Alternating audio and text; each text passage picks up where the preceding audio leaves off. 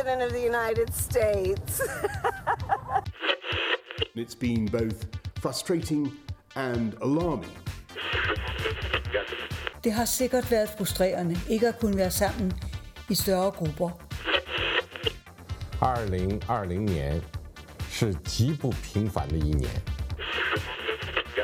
Breaking news tonight the deadly siege on Congress as an angry pro Trump mob storms the U.S. Capitol. To compose a country committed to all cultures, colors, characters, and conditions of man.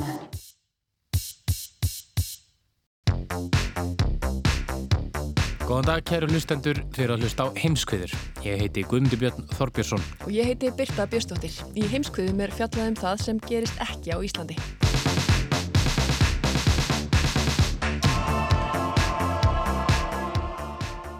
Strandað skip og kostningar á Grænlandi er það sem við ætlum að fjallum í þættinum okkar í dag, er það ekki? Jú, það er víst. Í síðar hluta þáttarins ætlum við að fara að Súes skurðinu þar sem flenni stort flutningaskip strandaði í vikunni. Það er umtalsvært vesen, sérstaklega að það dregst eitthvað á langin að losa skipið. Við fjöllum um sögu súaskurðarins og mikilvægi hans hér á eftir, en við ætlum að hefja leika í Grænlandi að þessu sinni. Já, grænlendingar gangað kjörborðinu þriðu daginn eftir páska. Bóðað var til kostninga þó að kjörtjumbrið renn ekki út fyrir en eftir rúmt ár. Síðast var kosið á vormánuðum 2018. Bói Ágústsson fjallar nú um grænlensk stjórnmál og ræðir meðal annars við Kristjönu Guðmundsdóttur Mótsfeld sem þekkir afar vel til.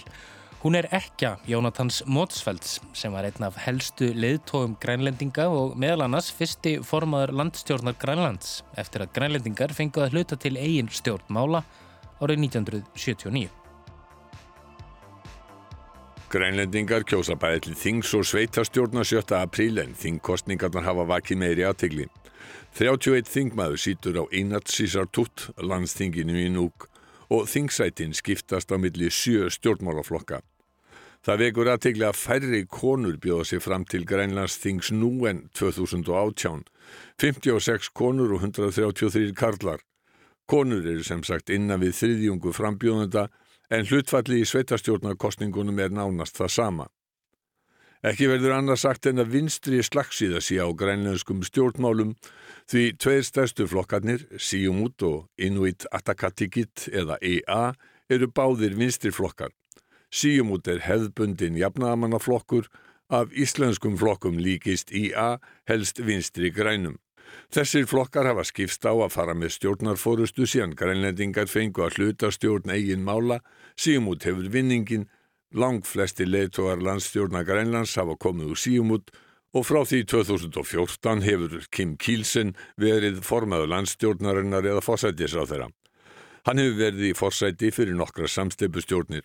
Ástöðu þess að kostningar eru rúm á ári áður en að kjörtímabili er á endam á reykja til þess að Kilsen tapaði formannskjöri í síumút í november. Það hafði lengi verið nokkur óanægi síumút með Kilsen en tap hans kom samt á óvart. Kristjána Guðmundsdóttir Motsfeld, hverjar voru ástæðunar fyrir óanægjunni? Kim er, hann kemur ekki mikið fram. Það er ekki vegna að hann er ekki að vinna, alls ekki. En hann er svona, hann er lítið út á við. En þegar hann kemur fram að þá er alltaf eitthvað að segja. Það er þetta og svo náttúrulega er, er þetta nú veik stjórn sem hann er með. Atasút, demokratatir og, og svo vittur. Marki flokkar, veik stjórn. Össur Skarpíðinsson fyrverandi utanríkis á þeirra þekkir vel til grænjaskar stjórnmóla. Össur var formöðu nefndar sem gerði skísluna Samstarf Íslands og Grænlands á nýjum norðurslóðum að beðinni Guðlaugs Þórs Þórðarssonar utanríkis á þeirra. Rætt var við Össur fyrr á árinu á morgunvaktin á rás 1 og þá saði hann um Kim Kielsen. Húnum er helst lagt það til last að hann sé einfari í stjórnmálum, hann hefur aldrei byggt upp neina klíku eða hyrði í kringum sig, hann er bara svona tröst lögga frá, frá sísimíut og, og víðar sem að kemur þarna og, og stýrir, fámall og þögull. Það sem hann, honum finnst skemmtilegast í lífun er að fara á selveðar eins og frakt er þegar kreppur hafa komið, þá hefur Kim of Tinst og farða að veiða sel. En óanægjan með Kílsen í flokki hans síum út var ekki bara vegna þess að hann er innfari. Margar ákvarðanir hans höfðu vakið óanægi og mótmælafundir voru haldnir í höfustænum núk síðasta höst. Seks af tíu þingmönnum síumút lístu vantraust á Kílsen og kröðust afsagnar hans fyrir tveimur árum. Þingmenninni sex og einna ráð þeirra síumút sögðu í yfirlýsingu að Kílsen hefði vanvirt þingið og kjósendur og tekið ímsar ákvarðanir þvert á stefnu flokksins. En Kim Kílsen ætlar að bjóða sig fram aftur þó að hann hafi tapað formennskunni í síumút, segist telja sig skuldbundin kjósendum til að standa sína plikt Kílsen nýtur enn viðtæks stuðnings og össur varaði við því að afskrifa hann. Væri ólsegastur allra politískra dráttarklára á Grænlandi. Nýr leiðtogi er Erik Jensen. Danski rítumundurinn og blagamæðurinn Martin Breum hefur skrifað margar greinar og bækur um Grænland. Hann sagði í viðtali við Danska ríkisútvarpi að Erik Jensen væri ólíkur fyrir leitum sem hafa veitt stjórnum fóristu að því leiti at hann væri horki fulltrúi sjómanna nýja veiðimanna. Det, der adskiller ham sådan helt overordnet fra de tidligere ledere af, af de fleste regeringer i Grønland, det er, at han repræsenterer ikke øh, hvad skal man sige, det miljø af fiskere og fangere, som ofte sidder og, og er de toneangivende. Ikke fordi han er jo meget opsat på også at have deres stemmer, men han er altså ikke selv øh, fisker eller fanger. Han har været i administrationen i det store boligselskab i, i, øh, i Grønland i, i mange år. Så det er en ny type af ledere. Breum sagði að auðvitað vilji Erik Jensen fá atkvæði sjóman og veiðimanna en bakgrunnur hans í annar. Hann hafi verið stjórnandi í stóru fastegnafélagi í mörg ár og að þessu leitinu ólíkur fyrir leiðtóðum. Öll stjórn síumút er skipuð nýju fólki. Vivian Motsfeld og Inga Dóra Guðmundsdóttir Markusen voru kjörnar varaformen. Inga Dóra er hálf íslensk. Það má því segja að eins konar hallarbylting hafi orðið á landsfundi síumút í november. Grænleisku stjórnmál eru flókin. Það eru tíð skipti á flokkum í stjórn, þannig að þó að Kílsen hafi verið formaður landstjórnarinnar frá 2014 hefur hann verið í fórustu fyrir fjölda samstipustjórna og nú síðast minnihlutarstjórnar. Leðtóar standa gerðan stutt við í ennbætti, klopningur flokka er algengur, leðtóar sem verða undir stopna kannski nýja flokka og sumir flokkar lifa stutt. Nú eru grænleisk stjórnmól þannig að um, tveir langstæstu flokkarnir núna eru báðir skilgrina sig sem uh, vinstirflokka. Eh, er þá, eru öll grænleisk stjórnmól á vinstrimængin? nei, uh, nei, þeir, það, sem, það sem hefur breyst er það að þeir eru líkjast hvernig öðrum og það er ekki talað eitt einast orðum nokkun isma í, í þessari kortingabaróttu. Í A var lengstu minstri og svo ertu með símút sósjaldemokratana sem að voru og eru með vinstrafólk og já, að miðju. Síumút og Inuit Atakatikit EA eru helstu keppinautatinn í grænlenskum stjórnmálum og Síumút hefur lengst af farið með fórust í landsmálum. Undantekning er tímabili frá 2009 til 2013 er Kubik Klæst var formaður landstjórnarinnar. Fram til þessa hefur aðeins einn skoðanakonun verið gerð á fylgi flokk á þessu ári og hún var gerð áður en kostningarnar voru ákveðnar. Sankvæmt henni var rúmlega þrýðjungur kjósenda enn óákveðin en niðurstuðunar benda til verulegrar fylgisaukningar EA að flokkurinn fengi rúmlega 38 af 100 atkvæða, bætti við sér 5 þingsætum og fengi 13 þingmenn. Fylgi síum út minkar lítilega samkvæmt konuninni sem spáir samt óbreyttir í þingmannatölu eða nýju sætum. Samkvæmt konuninni tapa demokrater sem eru með hægri flokkur helmingi þingsæta sinna og sitja eftir með þrjú sæti. Tveir flokkar sem nú hafa sitt þingsæti hvort ná ekki kjöri. Ég hérna held að þessi skoðanakonun frá því í janúar byrtist í byrjun februar að hún haldist. Ég held hún haldist nokkurt veginn en það er tvent. Í að spáð 38% hvaða. Það verður ekki. Í e, símút með svona nokkveitin halda sínu kannski tapað einu eða teimi prosentum. Annar flokkur, svo þriðji demok demokraterni sem hefur spáð mikillir e, mingum fylgis þeir eru reynda með fjórða, fjórða formann á, á fjórum árum eitthvað svona. Það á sig, það skýringar að þeir Torrik demokrata, þeir eru í bæjónum vil bara ágætlega menta þér þeir hérna voru ósáttur við að fara í þetta stjórnarsamstarf. Þannig ég spáði þeim framgangi. Og þá situr eftir sem líka kemur fram í þessu skoðanakonun sangat þessar skoðanakonun þá getur IA valið um að fara í samstarf með demokratunum það sama gerist vantarlega í, í sveitrarsvöldnarkostningunum í núk sem sagt geta valið að fara í stjórn með demokratunum eða öðrum smáflokki sem heit smáflokki Nali Rakk flokkurinn Ef ég aðleiði næstu ríkistjórn verður það undir fórustu nýsformans sem er mútið bórup egiði. Hann fættist 1987 og er því aðeins 33 ára gammal. Þrátt fyrir ungan aldur hefur egiði starfa lengi í pólitík. Hann var formaður unglega hreyfingar EA og formaður stúdentar á Skrænlandsháskóla. Hann hætti námi í sakfræði til að taka við rekstri fjölskyldufyrirtækis. Eitt af höfuðmálum kostningabarátunar er fyrirhuguð námuvinsla í Kvanefjælið á suðvestu hluta Grænlands á þeim stað þar sem Íslendingar settu staðum árið 1000. Þarna er að finna umtalsvert magn sjálfgæfra og eftirsóttra málma en sá böggull fylgi skamri við að þarna er einni úran og það stendur í mörgum grænlendingum að leifa úranvinnslu. Össur Skarpíðinsson hefur komið þarna. Þetta er sem sagt gígtappi gríðarstór sem hefur storknað mjög hægt livst upp úr jarðskorpunni, snúist tvert, svo kemur skriðjökull og sker hann í tvent og hann er fjall fullt af sjálfgæfi málmum, rare earth metals og af því hann storknaði svo hægt, þá settist þetta eftir eðlýsing þannig að öðrum megin fjaraðarins þá eru svo kallega léttir sjálfgjafir málma sem eru vinnanleir, allt í lagi með það. Hinnum megin eru þungumálmandi þar sem að úranjum er líka. Mm. um er deilt. Og bara á síðustu, síðasta ári, síðustu einu og hálfu ári þá hefur fólki sem býr í Suðugrælandi algjörlega snúið skegð þessu. Það, það virkar þannig á mig að lang flestir þar séu á mótu hrettir við úranjum og glemdi ekki sko á þessu svæði og okkar gamla íslenska græna grænlandi þar, þar eru helstu landbúnaðar héruðin, það eru eftir þessir 38-40 söðfjárbú, þeir hafa verið í fylkingarbrösti Múti B. Egeði og EA er á móti námvinsluna því að Kristjana Guðmundsdóttir Mortsfeld segir. En svo er það alveg reynd póttið að það er allir í að, en hún leggur sig að móti þessari vinslu.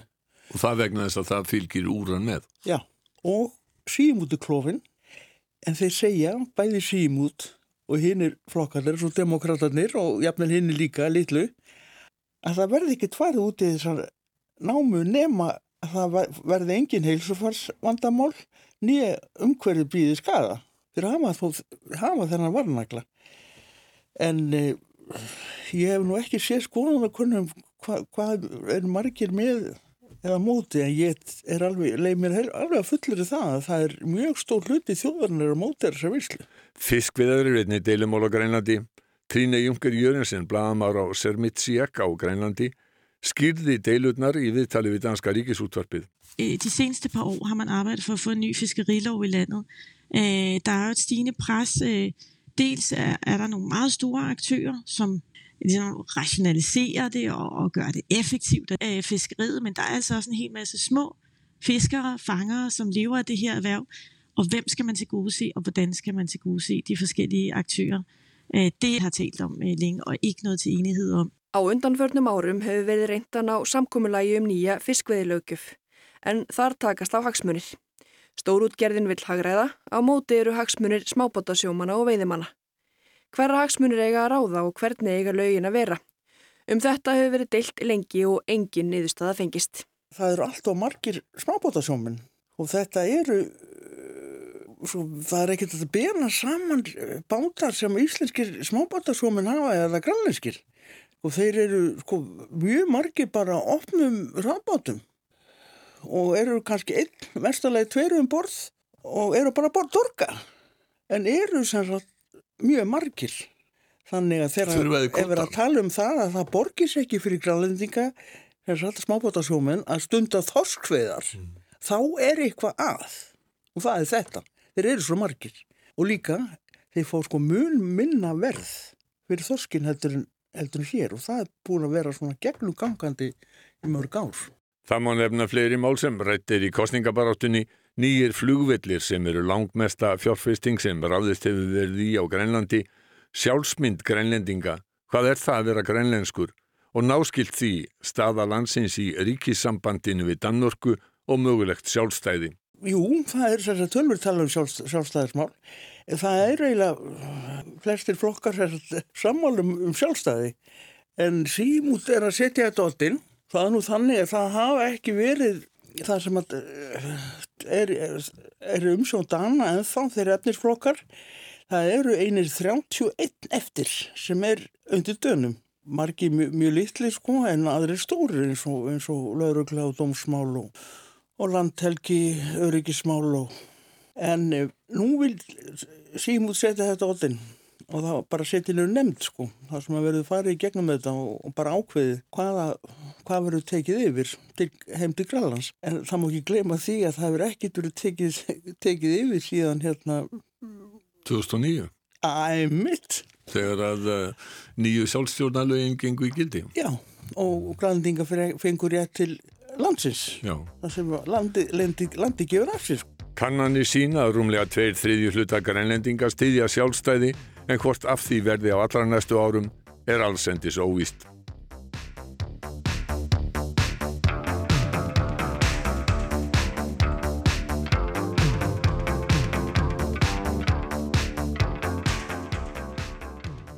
Og frá Grænlandi höldum við nú til Egiptalands. Já, því Súes skurðurinn er einn fjölfarnasta fluttningaæð heimsins. En skurðurinn hefur nú verið stíplaður í nokkra daga. Ástæðin er risastórt fluttningaskip sem þverar skurðin sem liggur á milli miðjarhafs og rauðahafs.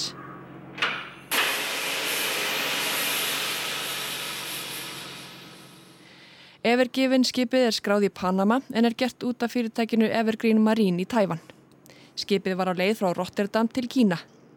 Ef við ætlum að aka frá Rotterdam til Kína, telur leiðin um það byrj 11.000 kilometra. Súaskurðurinn er rétt tæpir 200 kilometrar, eða nána tiltekið 193 kilometrar og stittir leiðina fyrir góðravonarhöfða í Afríku alveg umtalsvert. Já og þetta skip, Evergiven, er engin smá smíð. Það er eins og fjórir fótballtafillir að lengt. Akkurat um 400 metra langt skipið, það þvera núna súaskurðin. Og það er ekki bara langt. Skip af þessari starðagráðu getur borið alltaf 20.000 20 feta gáma. Þessi 20.000 stykki. Mm -hmm. Evergiven er því um 200.000 tonn og skipið er lengra en breytt skurðarins. Skipið er stórt og það er þungt og nú er það vel skorðað síðan það tók niðri á þriðudag. Og síðan þá hefur verið reynd að móka sandi og möl frá skipinu og íta við því á flóði og með dráttarabátum en án árangus. Flutningaskip á borð við Evergiven verða sífælt stærri. Eftir því sem tækninni flegir fram er hægt að byggja stærri skip sem geta svo borið þingri farm og svo framvegis.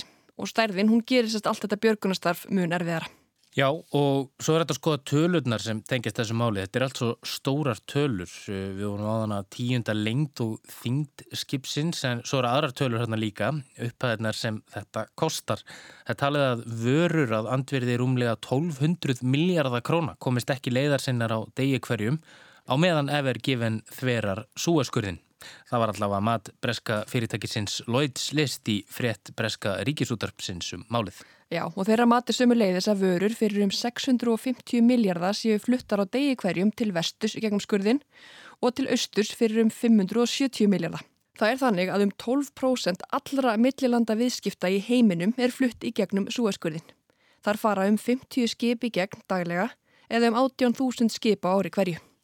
Já, og þetta strand hefur núna þegar haft umtalsverð áhrif, ekki satt? Jú, til dæmis hefur verð á ráolíu hækkað bara síðan strandi varð og það er ekki bara ólíja sem er flutt aðna í gegn, það er fött, húsgögn, varhlutir, vélar, verkvari, já, eiginlega bara allt á milli heimis og jarðar. Suez Canal is uh, potentially the most important canal uh, around the world has been for more than 100 years and it, it in, in, in reality is extremely simple. Either you go through the Suez Canal or Þetta er Lars Jensen sem eins og nafnið gefur eftir vilti kynna er danskur. En hann er líka sérfræðingur í siglingafræðum og sjórétti. Hann segir súeskurðin einhverja mikilvægustu siglingaleið í heiminum öllum sem hefur verið það í um hundrað ár. Flutningsleiðin sparar flutningaskipum millir Evrópu og Asíu siglinguna söður fyrir Afríku. Það sparar einhverja 5.000 kílometra sem er nú alveg dágóðu spotti. Sem þýðra stípla núna hefur auðvitað mikil áhrif á aðra sem ætluði sér að komast að náum. Svo mikilvægi þessar flutningaæðar er ótvírætt en hefur það verið svona lengi? Meina, getur það sagt mér eitthvað eins Guðmundur Björn um sögu súaskurðarins? Já, þetta er merkileg saga. Í norður hluta Egiptalands liggur Suez-eiðið, svo kallaða. Það er um 113 km breið landræma sem tengir saman landmassa Afríku og Asju og skilur á milli miðjarahafs og rauðahafs. Austan við Suez-eiðið er Sínæskæi sem landfræðilega tilherir Asju og hefur landamæri að Ísrael og í gegnum þetta eiði liggur nú þessi skipaskurður, Súas skurðurinn sem er hér til umfyllunar. Framkvæmdir hófust við gerð Súas skurðarins í april 1859 og þeim laugur um um tíu árum síðar og þar með var búið að opna siglingaleiðina á milli miðrahafsins og rauðahafsins og þar með gjörbilda samgöngum og flutningum milli Asíu og Evrópu. Já, það eru 150 ár síðan þessi skipalegi gegnum skurðinu var þess að tekinni nótkunn. Það eru auðvitað mjög langu tími en hugmyndinum þessa leið, hún fættist miklu fyrir það ekki. Jú, það eru til heimildir fyrir því að allskins minni skurðir hafi verið grafnir og um þá silt á þessu svæði frá því langt, langt aftur í fornöld. Egískir faráar á borð við Senusret annan og Rameses annan sem voru uppi á 19. og 13. öld fyrir Krist, takkið eftir, hvorki meirinn minna, ferðuðust um slíka skurði og í háloftafræði Aristotelesar, þar sem þessi frægi heimsbyggingur fellar nú aðalega um veðurfræði og jarðfræði, þar greinir hann frá því að eh, Sesostris, konungur Egipta, hafi lagt á ráðinum að grafa skurði í gegnum allt súaseiðið en Darius Persakonungur, sem var uppi um e, miðja sjöttuöld fyrir Krist, hafi stöðað þá framkvæmt.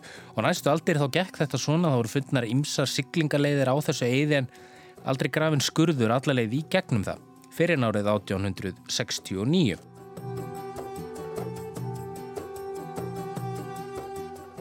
Franskur diplomati að nafni Ferdinand de Lesseps hafði fengið leifi frá Kétívanum í Egiptalandi og Sútan til að stopna félag sem myndi vinna að gerð skurðar sem myndi opna þessa siglingaleið milli Rauðahafsins og Miðjarhafsins.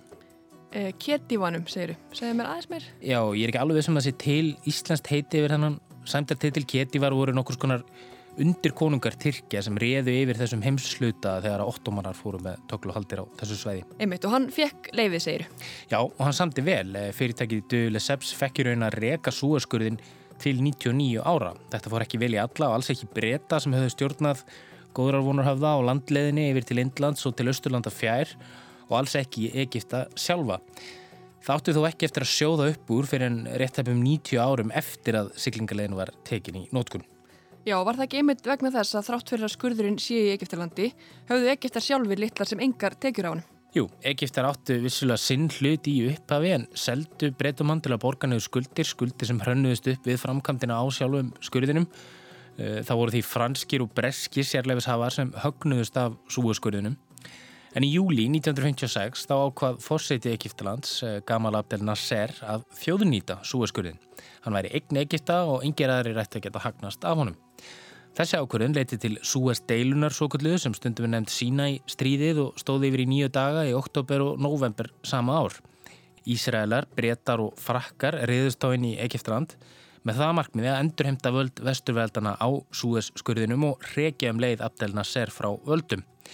Þetta voru alltaf einn versta veg fyrir innrásaríkin því bandaríkin, sovjetríkin og saminuð þjóðnar fordæmdu innrásina og beitti þau þrýstingi til að stöða hana. Staðana SERS fórsetta stist í kjölfarið og breytar og frakkar urðeilað aðhlótusefni á alþjóðsviðinu og Antoni Iden fórsetis er á þeirra breyta, sagði af sér í kjölfarið. Og þau sem fyldust með sjónvastáttaröðunni Krán á Netflix muna kannski eftir þessu. And the next step, in your view, would be? Military intervention. It is the correct thing to do, ma'am. Emitt. Og í kjölfarið þá ákvaðu saminuðu þjóðanar að skipa sérsveit fríðargeslusveita til að standa vörðum landamæri Egiptalands og Ísraels til að koma í veg fyrir að þetta endur tekið sig og síðan þá hefur skurðinum verið stjórnað af hinnu ríkisregna SCA, Suez Canal Authority, sem sagt af Egiptum sjálfum.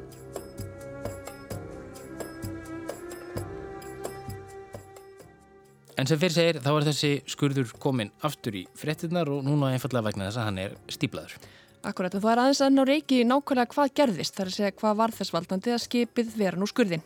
Þetta er reyndar ekki fyrsta skipti sem skipstjórar efer gefin lenda í vandræðin. Árið 2019 lendi skipið í áreikstri við ferju í Hamburg. Þá var talið að sterkum vindkviðum hafi verið um að kenna að svo fór. We don't know yet exactly what happened. There's reports of, of some failures of equipment, but that's denied by the company itself. There's other reports of a strong gust of wind. It's a very, very. Þetta er Guy Platten, forstjóri International Chamber of Shipping sem kannski geti útlast alþjóða farskiparáðið. Hann segir að sögur um vélarbilun hafi heyrst en af þeim ástæðum hafi verið hafnað af fyrirtækinu sem gerir út skipið. Þá hafa sterkir vindar sömuleiðis komið til álita sem ástæði þessa svo illa fór á þriði daginn var. Já, það rýfur vendarlega hressilega í svo stóran skipskrokk ef viðurfærur óhagstætt. Já, maður gefur sér það eftir að hafa síða fréttamindir af skipskroknum. En önnur ástæði sem Platten nefnir ekki þarna, en einnig er til náttúrulega er hvort sandfók hafi byrt skipstjórunum sínum tíma og orsakað strandið. Og Guy Platten segir sem sé að ekkert sé ennþá vitað um ástæðunar, aðal fókusin sé núna á það að opna skurðin á nýjanleik. Og það leikur auðvitað töluvert á því. Við erum alltaf hérna búin að tíunda mikilvægi Súes skurðarins. Já og meðan Evergiven þverar skurðin kemst enginn þar í gegn. Það býða núna á annað hundrað flutningaskipa sitt hverju megin við skurðin. Einhverjum þeirra hefur reynda verið beint lengri leðina fyrir góðra vonarhöfurða í Afríku en það bætir um það byrj 12 dögum við siglingarleðina. Það er alveg vitað að björgunaraðgerðina verða bæði flóknar og umfangsmiklar. Það verður byrjað á því að reyna að afferma skipið bæði til að bjarga farminum en ekki að létta á því og þar með auka líkunar á því að það verði hægt að losa það.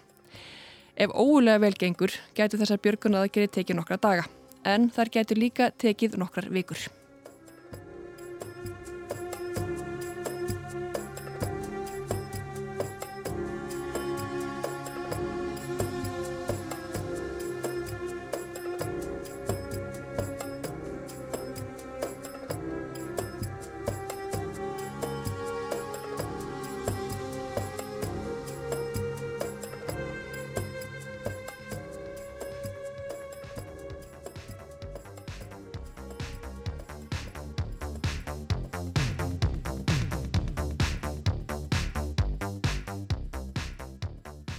Heimskuður verða ekki fleiri þessa vikuna?